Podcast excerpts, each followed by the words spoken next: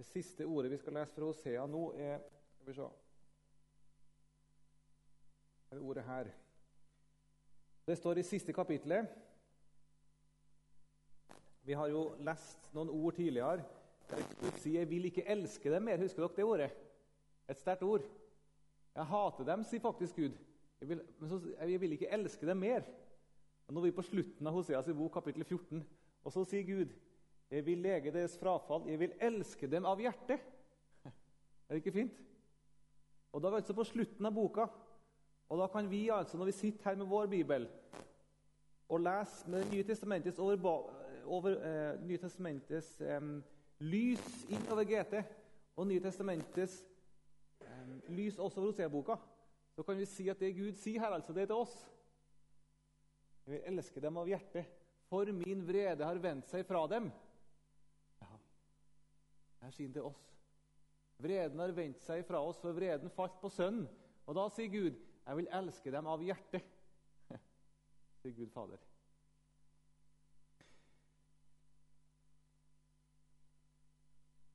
Og så er det sånn for dem at vi kan kjenne på Nei, jeg kjenner på synd, og jeg kjenner på svakhet, jeg kjenner på fordømmelse. Jeg kjenner på en, at jeg er så skrøpelig. Jeg kjenner meg ikke elska. Jeg kjenner ikke meg tillit. Kjenner, Gud kjennes så fjern i min hverdag. Kan liksom ta det her til hjertet at Unnskyld. Det her er PC-en, vet du. Mange ting her nå. Klart feil. Bare et lite. Øyeblikk. Øyeblikk.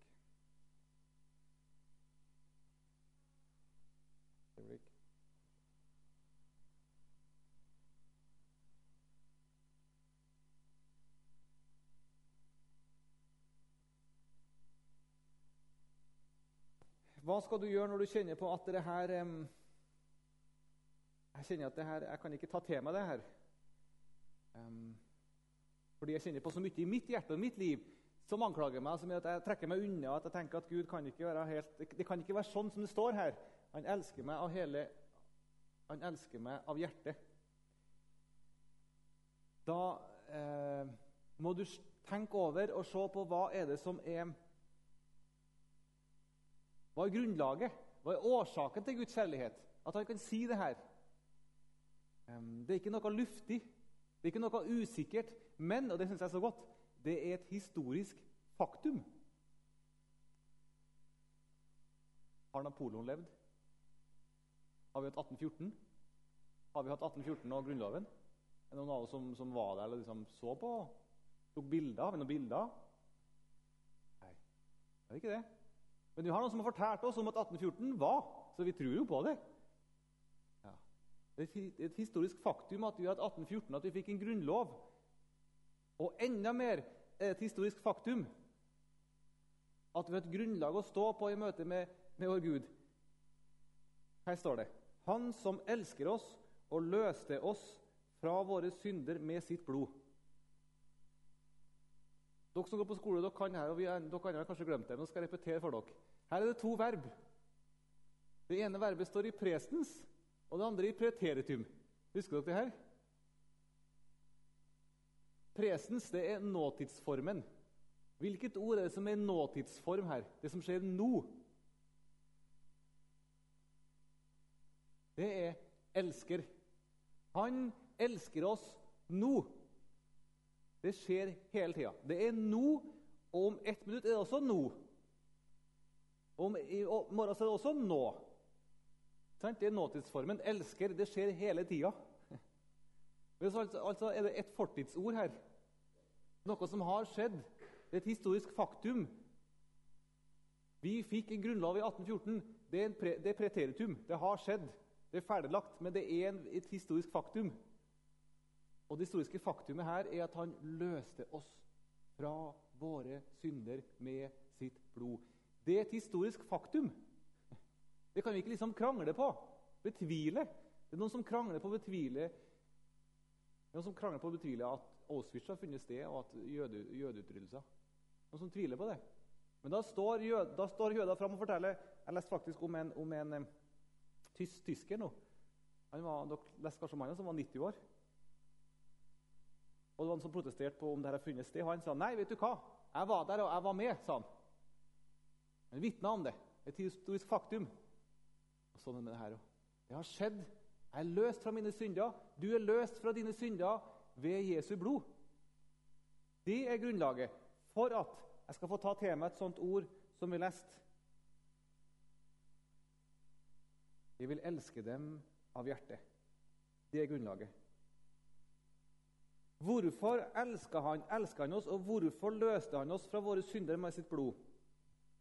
Jo, det var fordi han ville forlike oss med seg selv ved hans kjøds legeme ved døden, for å stille dere fram hellige, ulastelige og ustraffelige for sitt åsyn. Han ville stille oss fram, altså. Hellig, ulastelig, ustraffelig. Stille oss fram for Han som feilfri.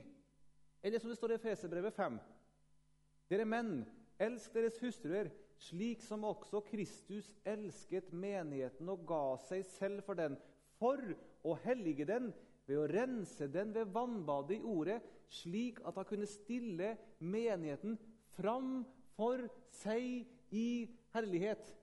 Uten og her har jeg skrevet den minste flekk, for det står det i 2011-oversettelsen. Uten den minste flekk. Eller rynke. Ikke engang rynke. Eller noe slikt.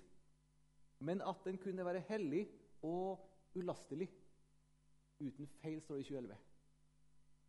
Derfor var det han kom og løste oss fra vår synd, for å stille oss fram for seg som en feilfri, uten feil, uten den minste flekk engang, brud.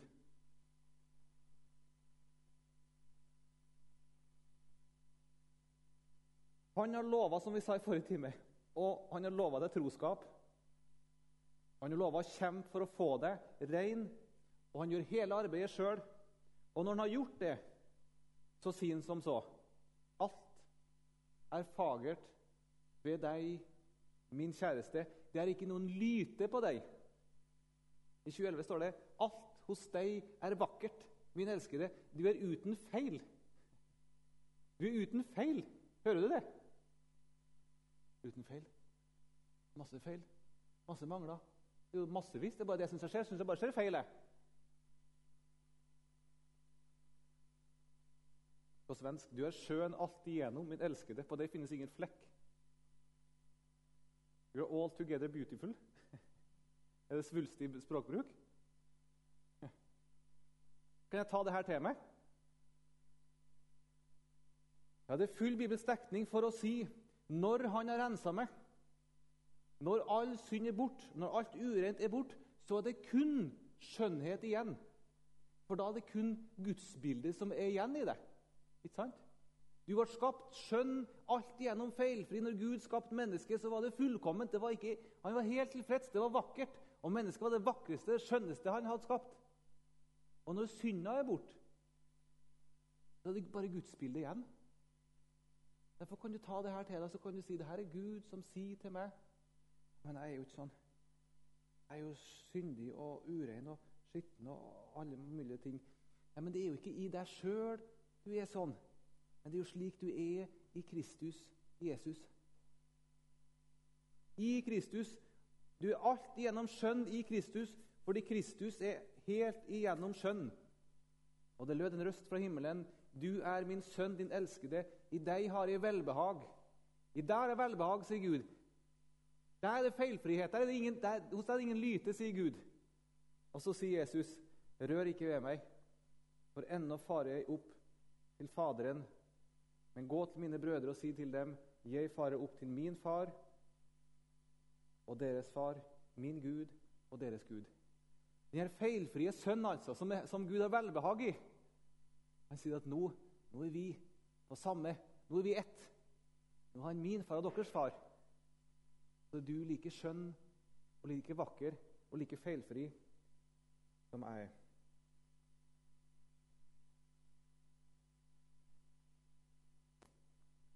Og når vi begynner å få opp øynene, da, begynner vi liksom å få et glimt inn i hvordan Guds hjerte er, og hvordan han ser på oss sånn, så åpner det seg en ny verden. Det åpner seg en verden inni Guds ord. Hvor, hvor hvert blad som du leser, så ser du det her han sier til meg hele tida. Det er det her han roper til meg forkynner til meg hele tida. Jeg som før trodde at han var litt sånn Satt med stobein i kors og så på meg og var litt sånn småfornøyd bare når jeg lyktes. Når jeg følte det godt. Når jeg leste godt i Bibelen, da, da eller, eller, hadde liksom kontroll på synda, da, da, da sto han sånn vennlig på meg. Men etterpå så satte han hendene i kors, og så satte jeg meg i krå. Og så hadde ikke jeg frimodighet. Sånn er det vi ofte tenker. Men vi får opp øynene for hvem vi er i Kristus, hvordan han ser på oss i Kristus. Da ser du at hele Guds ord roper det her til deg. Fra begynnelsen til slutten. Hør, hør bare på denne, denne salmen. Det er en merkelig salme. Salme 45. Det, den, den, det står at det er en sang om kjærlighet. står det. En sang om kjærlighet. Og så står det der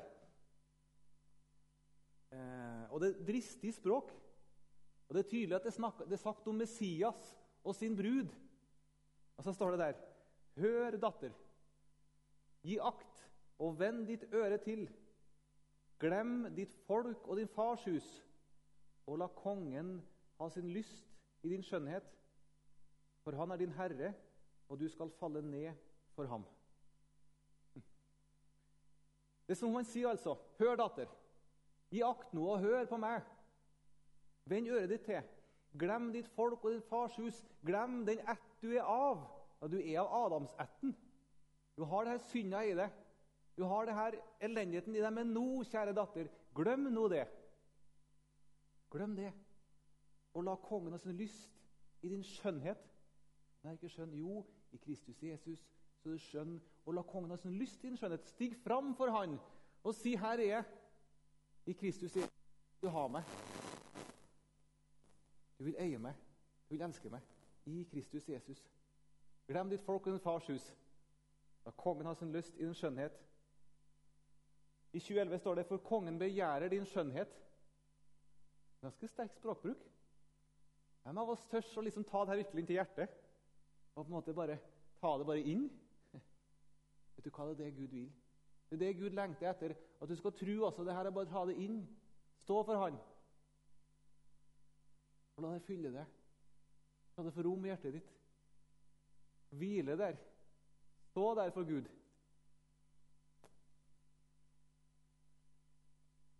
Herren gleder seg i sine gjerninger, står det en plass.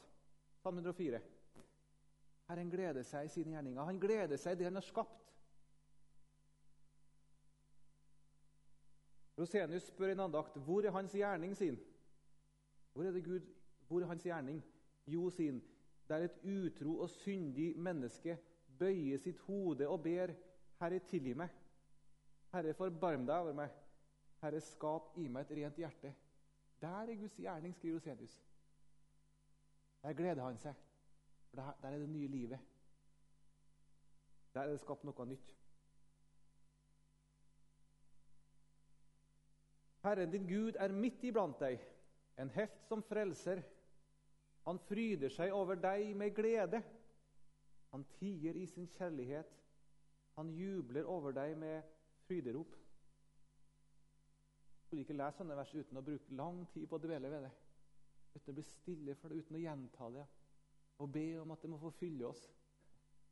Skulle? Voldsomme vers. Kan det være sant? Herren i Gud er midt iblant deg, en helt som frelser. Han fryder seg over deg med glede. Han tier i sin kjærlighet. Han jubler over deg med fryderop. Og som en brudgom gleder seg over sin brud, skal din Gud glede seg over deg.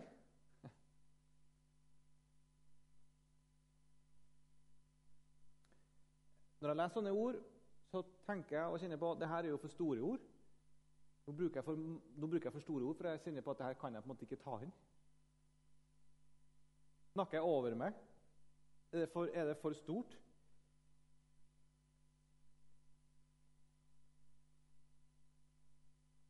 Det er sånn Guds ord tar det. Er sånn Gud snakker. Og det er det hele Guds virksomhet er retta inn imot. At du skal få se denne hjertet og hvile der Og se han åpent dine øyet.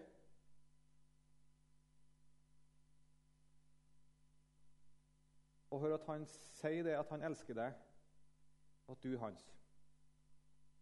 Så har jeg tenkt på en ting. Hm. Hvorfor elsker jeg Edel? har jeg tenkt på. Syns dere det var en rar spørsmålsstilling? Jeg tenkte sånn er det, er, det på, er det, på, tross av at hun er sånn og sånn, og sånn, og sånn, så likevel så elsker jeg Edel? På tross av at hun er sånn og sånn og sånn, så likevel elsker jeg Edel? Og det er veldig vakkert sagt. Nei, kanskje ikke. Eller er det pga. sånn og sånn og sånn og sånn at et sånt regnestykke at jeg kan liste opp sånn, sånn punkt for punkt for punkt? Sånn tipunktsliste.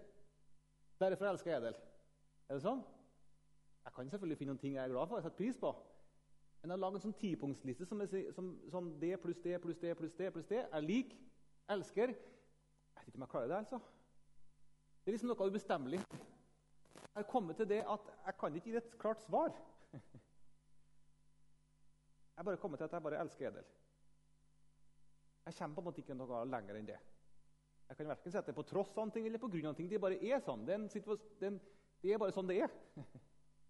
ja. Augustin dere husker Augustin som levde på 300-tallet? Han tenkte på det her. Hvorfor elsker Gud? Han grubla fælt på det og spekulert og spekulert. Hvor kommer Guds kjærlighet ifra? Og vet du hva han sa? Dere har sikkert hørt det før. Konklusjonen hans er Gud elsker. Derfor elsker han. Slik er kjærlighetens vesen. Gud elsker. Derfor elsker han. Vi kommer ikke noe lenger. Men det er ikke det vesentlige å finne et svar. Men at han elsker, det er det vesentlige, og det sier han. Sånn er han.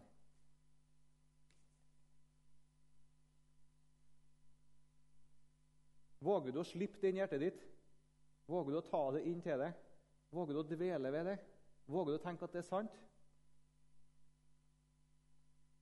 Nei, kanskje tenker du igjen. Det er godt og fint, alt det her. Jeg strever med å tro det her. Jeg strever min hverdag i å, i å leve i det. òg. det er så mye svakhet, og det er så mye tørrhet. og Jeg føler liksom ikke noe kraft i mitt liv, eller jeg føler liksom ikke det er levende i meg. Så forsvinner Gud for meg.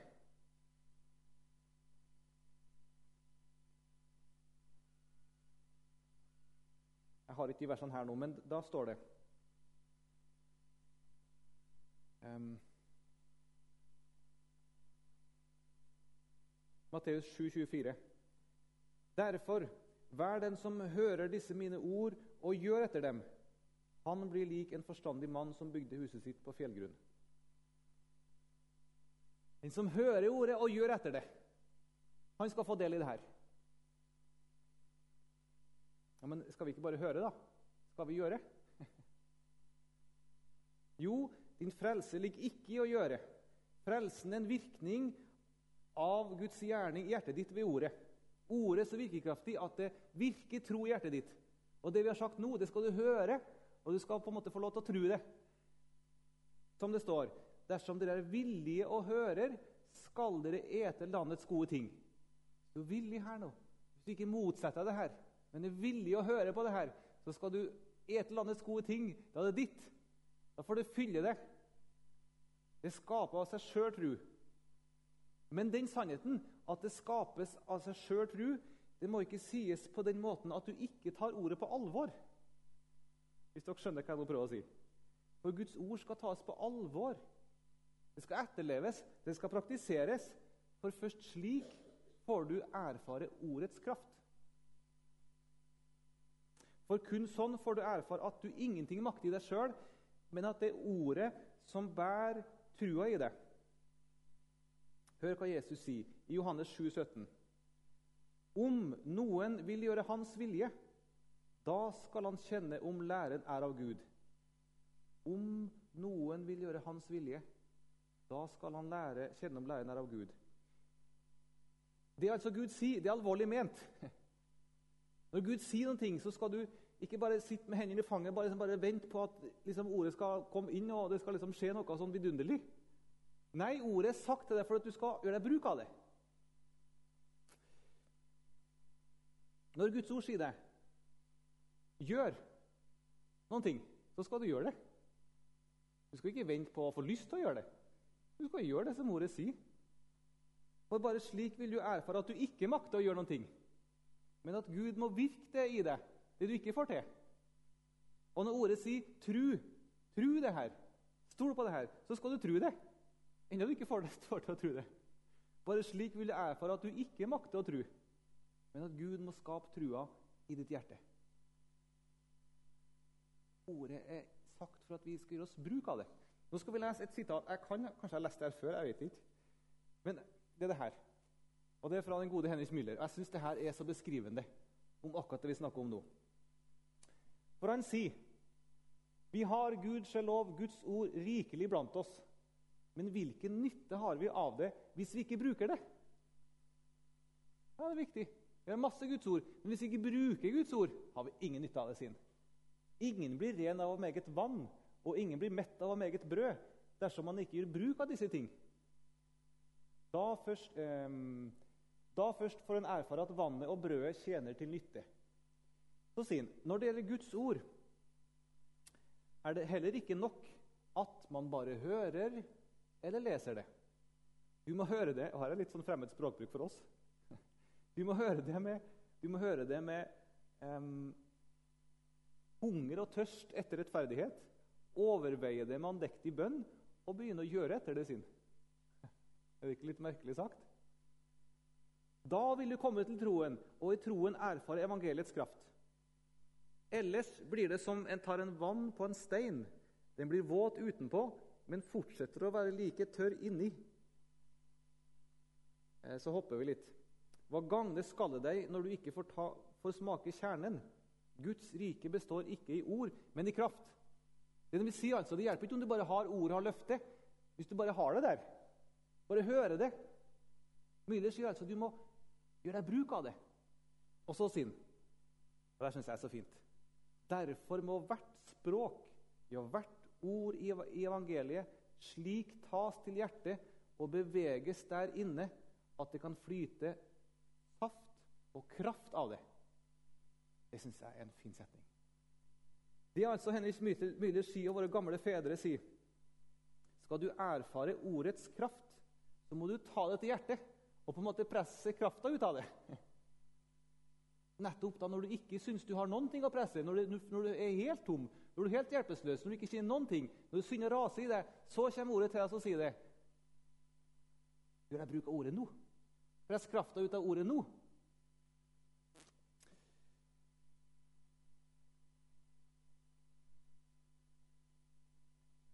Er det sant at synderen min blir betalt?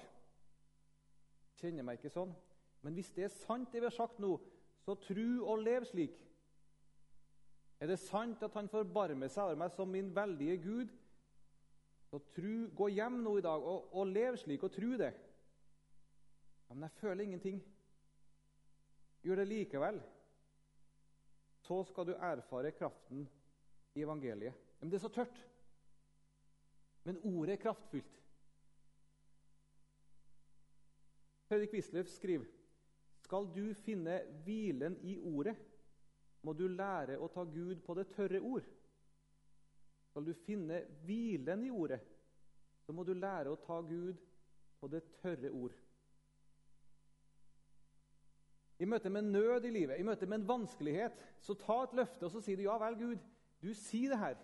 Nå kjenner jeg ingenting, jeg føler ingenting, jeg syns det er helt svart, det er helt mørkt. Men jeg tar det ordet, så presser jeg krafta ut av det og så sier jeg, det her er sant. I møte med synd og urenhet, så ta et løfte om, om hva du er i Jesus Kristus, og press krafta ut av det og si det her er sant.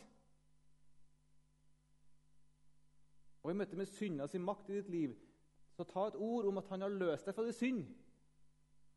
Det er sant. Derfor må hvert språk, ja, hvert ord i evangeliet slik tas til hjertet og beveges der inne at det kan flyte saft og kraft av det. Og Så skriver Henrik Müller videre. Det står utheva der. Der. Men, skriver han, troen grunner seg ikke på følelsen, men på Guds løfter, dem må du tro aller først. Og så kan du senere føle, ettersom Gud forunder deg det. Men det er nettopp dette troen består i, at den holder for sant alt det som Guds ord sier, uten å føle noe, ja, ofte imot all følelse. Det er da vi virkelig tror på Gud. Det er da virkelig Gud blir Gud i vårt liv. Da vi tru, må tro imot all følelse, imot all erfaring, imot alt det vi kjenner og føler og opplever. Ja, imot at vi kjenner at Gud har forlatt oss fullstendig. Da kommer ordet til oss, og det er det troen består i. Og likevel henge fast i ordet. Jeg holder fast i ditt ord. Enn jeg ikke føler det sludder, ja, og det er imot enhver følelse. Så tror jeg ditt ord, og så presser jeg krafta ut av det. Jeg har ikke noe annet enn ordet. Da vil du få erfare troens kraft og ordets kraft i ditt liv.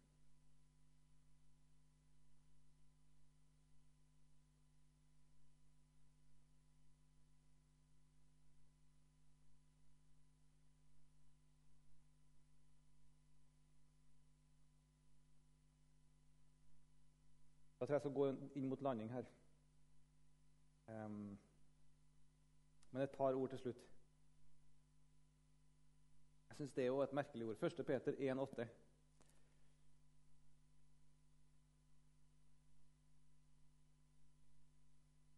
Um,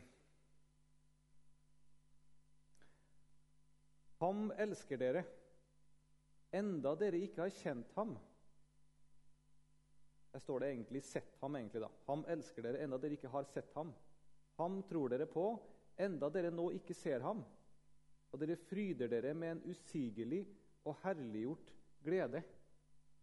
Et merkelig ord. Det jeg har som glede, det som fyller meg med en usigelig glede, hva er det for noen ting? Noe jeg ikke har sett. Det er noe jeg ikke har sett.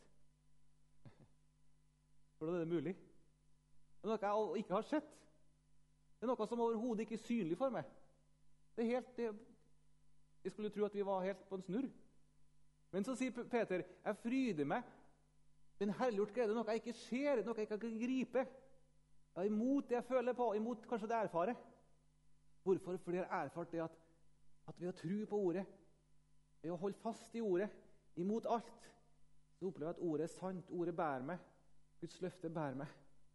Og så får jeg fryde meg i Guds ord, på tross av alle ting. Og helt til slutt Salme eh, 31 og vers 25. Um,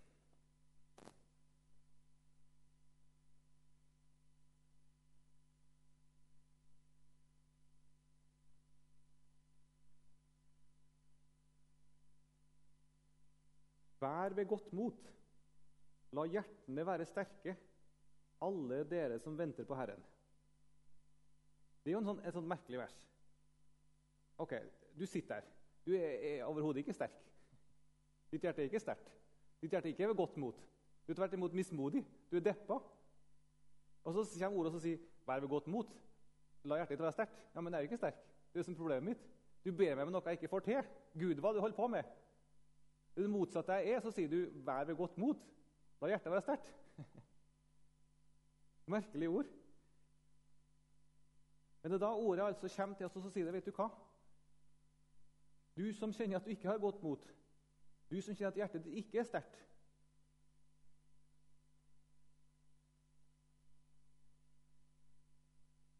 Mitt hjerte er likedan imot deg. Jeg elsker deg like fullt. Du er like mye, like mye mitt barn. Du er hos meg, og så skal du få lov til å se bort ifra din svakhet, bort ifra din mangel på styrke, bort ifra din mismot, bort ifra din synd. Du skal få lov til å se bort ifra det. Og så skal du få lov til å regne deg som min, og regne deg som sterk, og regne deg som sånn som jeg er. Du skal få lov til å være ved godt mot. Du skal få lov til å være sterk fordi du venter på Herren. Fordi du har et hjerte vendt imot Han og imot den Han er. Du venter ikke på deg sjøl, på hva du får til, på din styrke, på din åndelighet. Du venter på Han hele tida. Da skal du få lov til å være sterk, eller du overhodet ikke er sterk. Vær ved godt mot. La hjertene være sterke, alle dere som venter på Herren.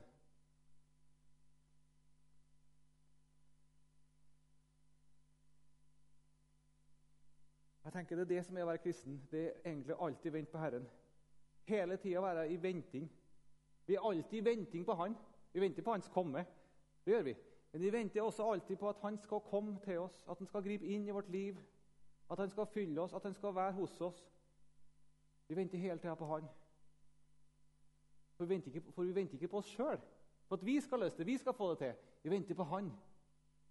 Slik så får vi være sterke, for vi er sterke i Han i det han er, ikke i oss sjøl. Vær ved godt mot. La hjertene være sterke, alle dere som venter på Herren.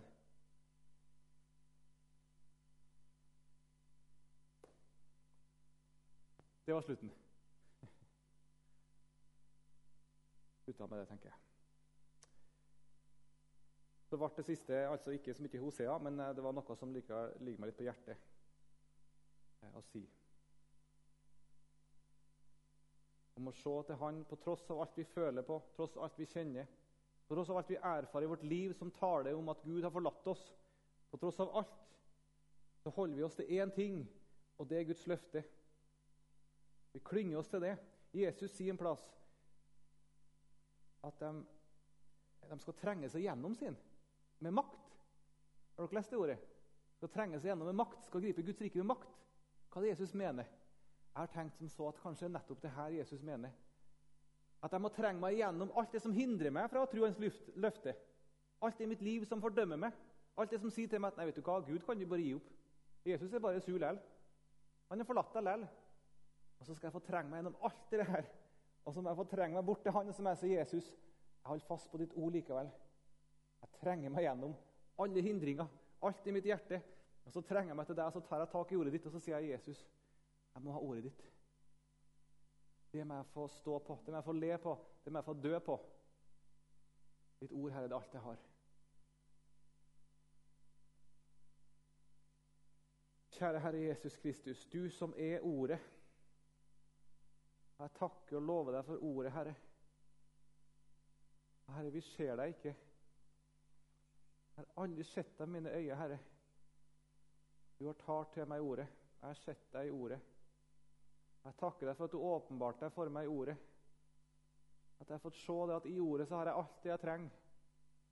Takker deg for at ordet skal bære oss helt fram og helt hjem. Ditt løfte, Herre. Så vet du og Jesus hva slags tider vi skal møte her i Norge òg. Du vet hva framtida bringer for oss som kristne. Jeg ber deg, Herre, gi oss en sterkere og sterkere tillit til ordet. At vi stoler på deg på tross av alt vi erfarer, all motstand, all kamp og all nød. Du styrker oss, Herre, i trua på at det du sier, det er sant. Du bærer oss, og du fører oss. Og Herre Jesus, bevar oss i trua, den enkle tru på ditt ord, Herre. Og gjør det du trenger, Herre, det du ser som trengs, for at vår tru skal styrkes. Om du må føre oss inn i prøvelse og smerte, Herre, så må du gjøre det, Herre, bare vi styrker i trua på deg, Herre. Takk for flokken som er her, og som har vært med de her timene, Jesus. Jeg ber om at ditt ord må virke iblant oss. Det må virke til frelse, Herre, for oss. Herre, jeg ber. Amen.